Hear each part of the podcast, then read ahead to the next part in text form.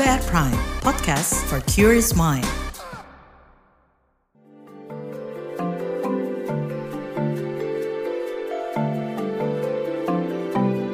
Saga, cerita tentang nama, peristiwa, dan fakta.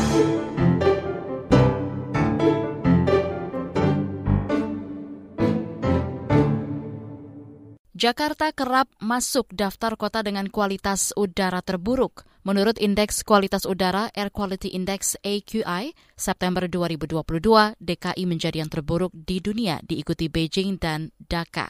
Konsentrasi PM 2,5 di udara Jakarta tercatat 15 kali di atas ambang batas yang ditetapkan WHO, yaitu 15 mikrogram per meter kubik. Kondisi ini membawa kerugian di berbagai dimensi.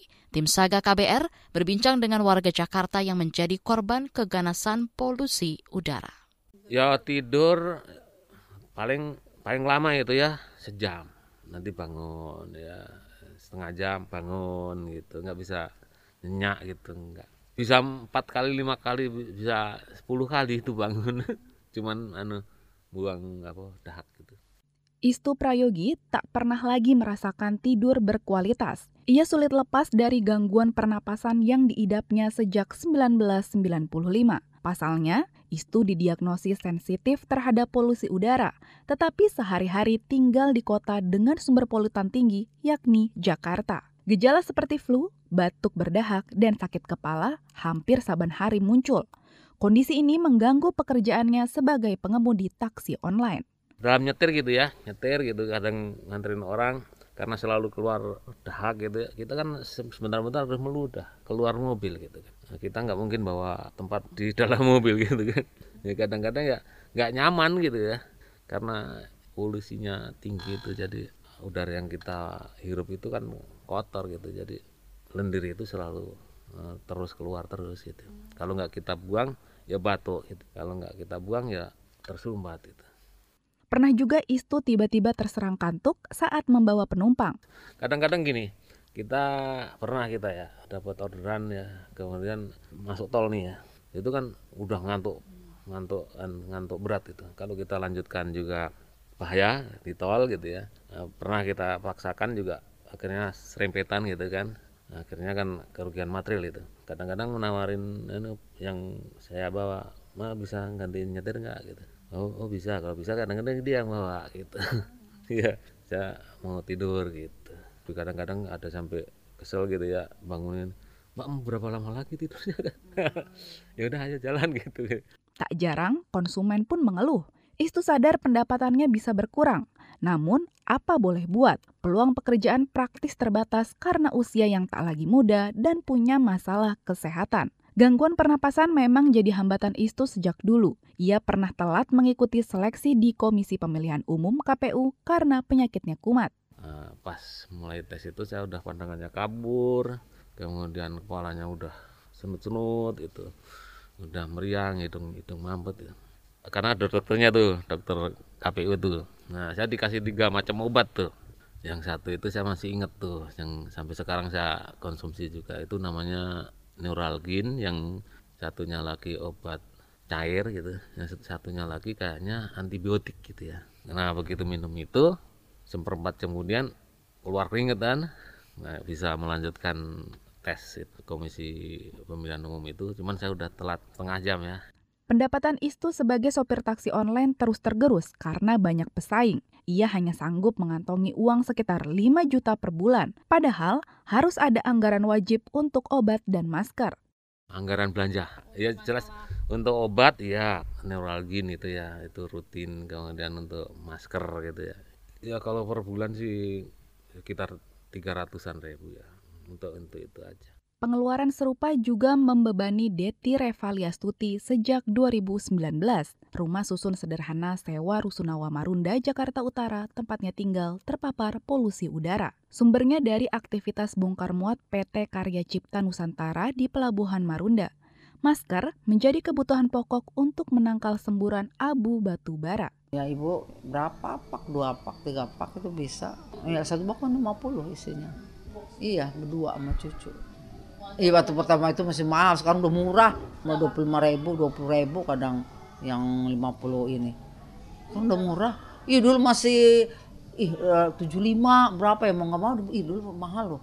Pada 2022, perempuan 66 tahun ini menderita batuk selama 7 bulan. Deti sering keluar kencing saat batuk sehingga ia terpaksa membeli pembalut. Parahnya mah batuknya yang nggak, sampai neken-neken sakit kan batuk lama-lama, dada sakit, nyesek, ini sakit terutama ini. Kalau batuk tahan gini, baru-baru bisa ngobrol lama gini, ngobrol minta batuk, udah pulang pulang pulang pulang. udah udah pulang kata minum air hangat apa. Sekarang ini minum minum minum. Batuk-batuk berlarut itu diduga menyebabkan Deti terkena hernia. Ia bolak-balik ke rumah sakit yang tentunya membutuhkan ongkos tambahan. Sementara untuk kebutuhan sehari-hari, ia hanya bergantung pada anak-anaknya. Ya iya, berat nggak ya buat kesehatan. Kesehatan lari ke sini. Iya, minum dari anak-anak kayak vitamin C apa, vitamin B, vitamin jemur-jemur gitu. Banyak yang tak menyadari pengeluaran tambahan semacam ini adalah kerugian yang timbul akibat polusi batu bara. Jamak sering menganggap kerugian ekonomi itu hanya berhenti di biaya pengobatan, padahal ada biaya ikutan yang beranak pinak yang juga harus dihitung. Budi Haryanto, Guru Besar Fakultas Kesehatan Masyarakat Universitas Indonesia. Estimasi, jadi misalnya yang nganter ke rumah sakit pakai taksinya, terus kemudian nunggu ketika dia dirawat, dia harus makan siang atau makan malam di sana atau nginep di hotel terus berapa orang itu ya. Nah itu yang biaya-biaya terikut. Istilahnya biaya-biaya yang terikut dengan orang yang harus berobat gitu ya. Nah itu, intangible cost. Bisa aja karena kan orang Indonesia kan modelnya yang sakit ditemenin dan sebagainya kan. Yang sakit kemudian harus naik taksi gitu kan. Yang tadinya naik motor sendiri gitu ya kan biaya-biaya itu memang sulit diukur Istilah lainnya adalah biaya tak langsung atau indirect cost. Jika serius dikalkulasi, kerugian akibat polusi batubara bakal berlipat ganda. Budi menyebut jika di total kerugiannya bisa dua kali lipat dari biaya pengobatan. Belum lagi nanti yang termasuk intangible cost itu yang nggak masuk kerja gitu kan karena sebulan dia harus cuti dua hari karena sakit gitu ya maka itu kalau dia dikaji 10 juta per bulan untuk 20 hari berarti 500 ribu sehari. Kalau dia satu bulan nggak masuk dua hari satu juta udah rugi si perusahaannya gitu loh. Karena manusia ini nggak hadir kan. Nah itu kalau orang satu kalau orang banyak. Dalam satu perusahaan kalau ada 100-200 pegawai rata-rata 10 persen aja yang nggak masuk dua hari kan kerugiannya banyak gitu. Kerugian akibat polusi batu bara tak cuma jadi domain warga yang sudah terpapar penyakit. Ada anak muda seperti Debbie Talia yang sudah melek dengan bahaya pencemaran udara. Kayak pas lagi menghitung-hitung gitu ya, wah banyak juga ya ternyata pengeluaran yang harus dikeluarin untuk beli masker gitu. Kayak wah gila juga gitu pas lagi lihat-lihat aku hitung-hitung untuk ngepost-keposin ke uangnya ke mana-mana gitu. Perempuan 24 tahun ini tak ragu merogoh kocek untuk mempertebal proteksi. Berapa ya? Around satu setengah ke atas gitu mungkin. Terus beli masker, beli uh, filter, filter air purifier. Sekeluarga kan. Tapi kan aku kebetulan keluarga tuh ada empat orang. Dan semuanya juga activity di luar gitu. Bekerja di wilayah padat seperti Jakarta membuat Debbie harus putar otak ketika beraktivitas di luar rumah. Ya, kalau sekarang ya pasti carinya tempat-tempat yang ada tanamannya banyak, terus di lebih di outdoor area dan juga dibatasin gitu sih waktunya paling 2-3 jam aja, terus itu udah. Namun, Debbie mengeluh karena sulit mendapat informasi tentang kualitas udara sehari-hari. Padahal ini penting untuk mendeteksi wilayah-wilayah beresiko tinggi. Hal itu memotivasi Debbie ikut mengajukan gugatan warga negara pada 2019.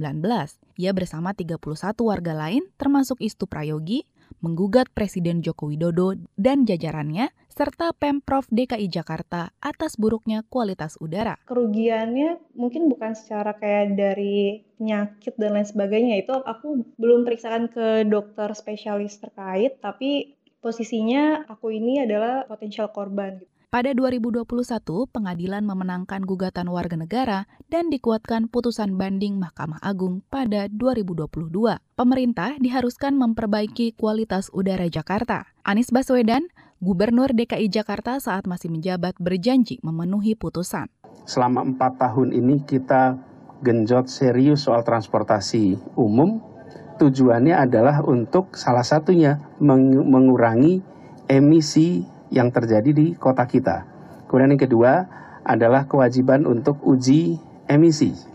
Uji emisi juga salah satu untuk mengurangi dampak negatif dari kendaraan bermotor yang beroperasi di Jakarta. Pemprov DKI Jakarta telah memiliki tiga strategi dan 75 rencana aksi yang akan dituangkan dalam peraturan gubernur terkait pengendalian pencemaran udara yang saat ini tengah difinalisasi.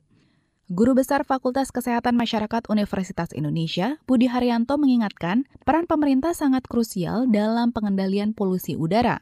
Sumber-sumber pencemaran udara seperti kendaraan bermotor dan pembangkit listrik tenaga uap PLTU mesti di-stop atau disubstitusi. Tetap yang ngelit dari pemerintah menyediakan transportasi umum yang pakai mobil listrik, pakai bis listrik, terus MRT, LRT semuanya pakai listrik ya. Nah itu yang ngelit dari pemerintah kan mengajak swasta dan sebagainya sehingga ketika manusia banyak yang tahu dan mulai men dan menyadari dan kemudian melakukan aksinya ditunjang oleh peraturan perundang-undangan fasilitas prasarana-prasarana dan sebagainya Apabila sumber pencemaran bisa ditekan, maka biaya-biaya atau kerugian sosial ekonomi pun bisa dikurangi bahkan dipangkas. Selain itu, pemerintah mestinya juga membantu warga memitigasi resiko polusi udara, yakni dengan menyediakan akses informasi yang akurat. Tapi yang terpenting justru harus ada early warning system ya, artinya harus ada e, banyak monitor-monitor kualitas udara yang bisa diakses dengan cepat, yang bisa diakses lewat HP misalnya ya, lewat aplikasi dan sebagainya untuk menunjukkan ini loh di daerah sana lagi tinggi polutannya, ini di daerah sana lagi rendah polutannya sehingga ketika kalau mau bepergian bisa milih gitu. Demikian Saga KBR, saya Valda Kustarini.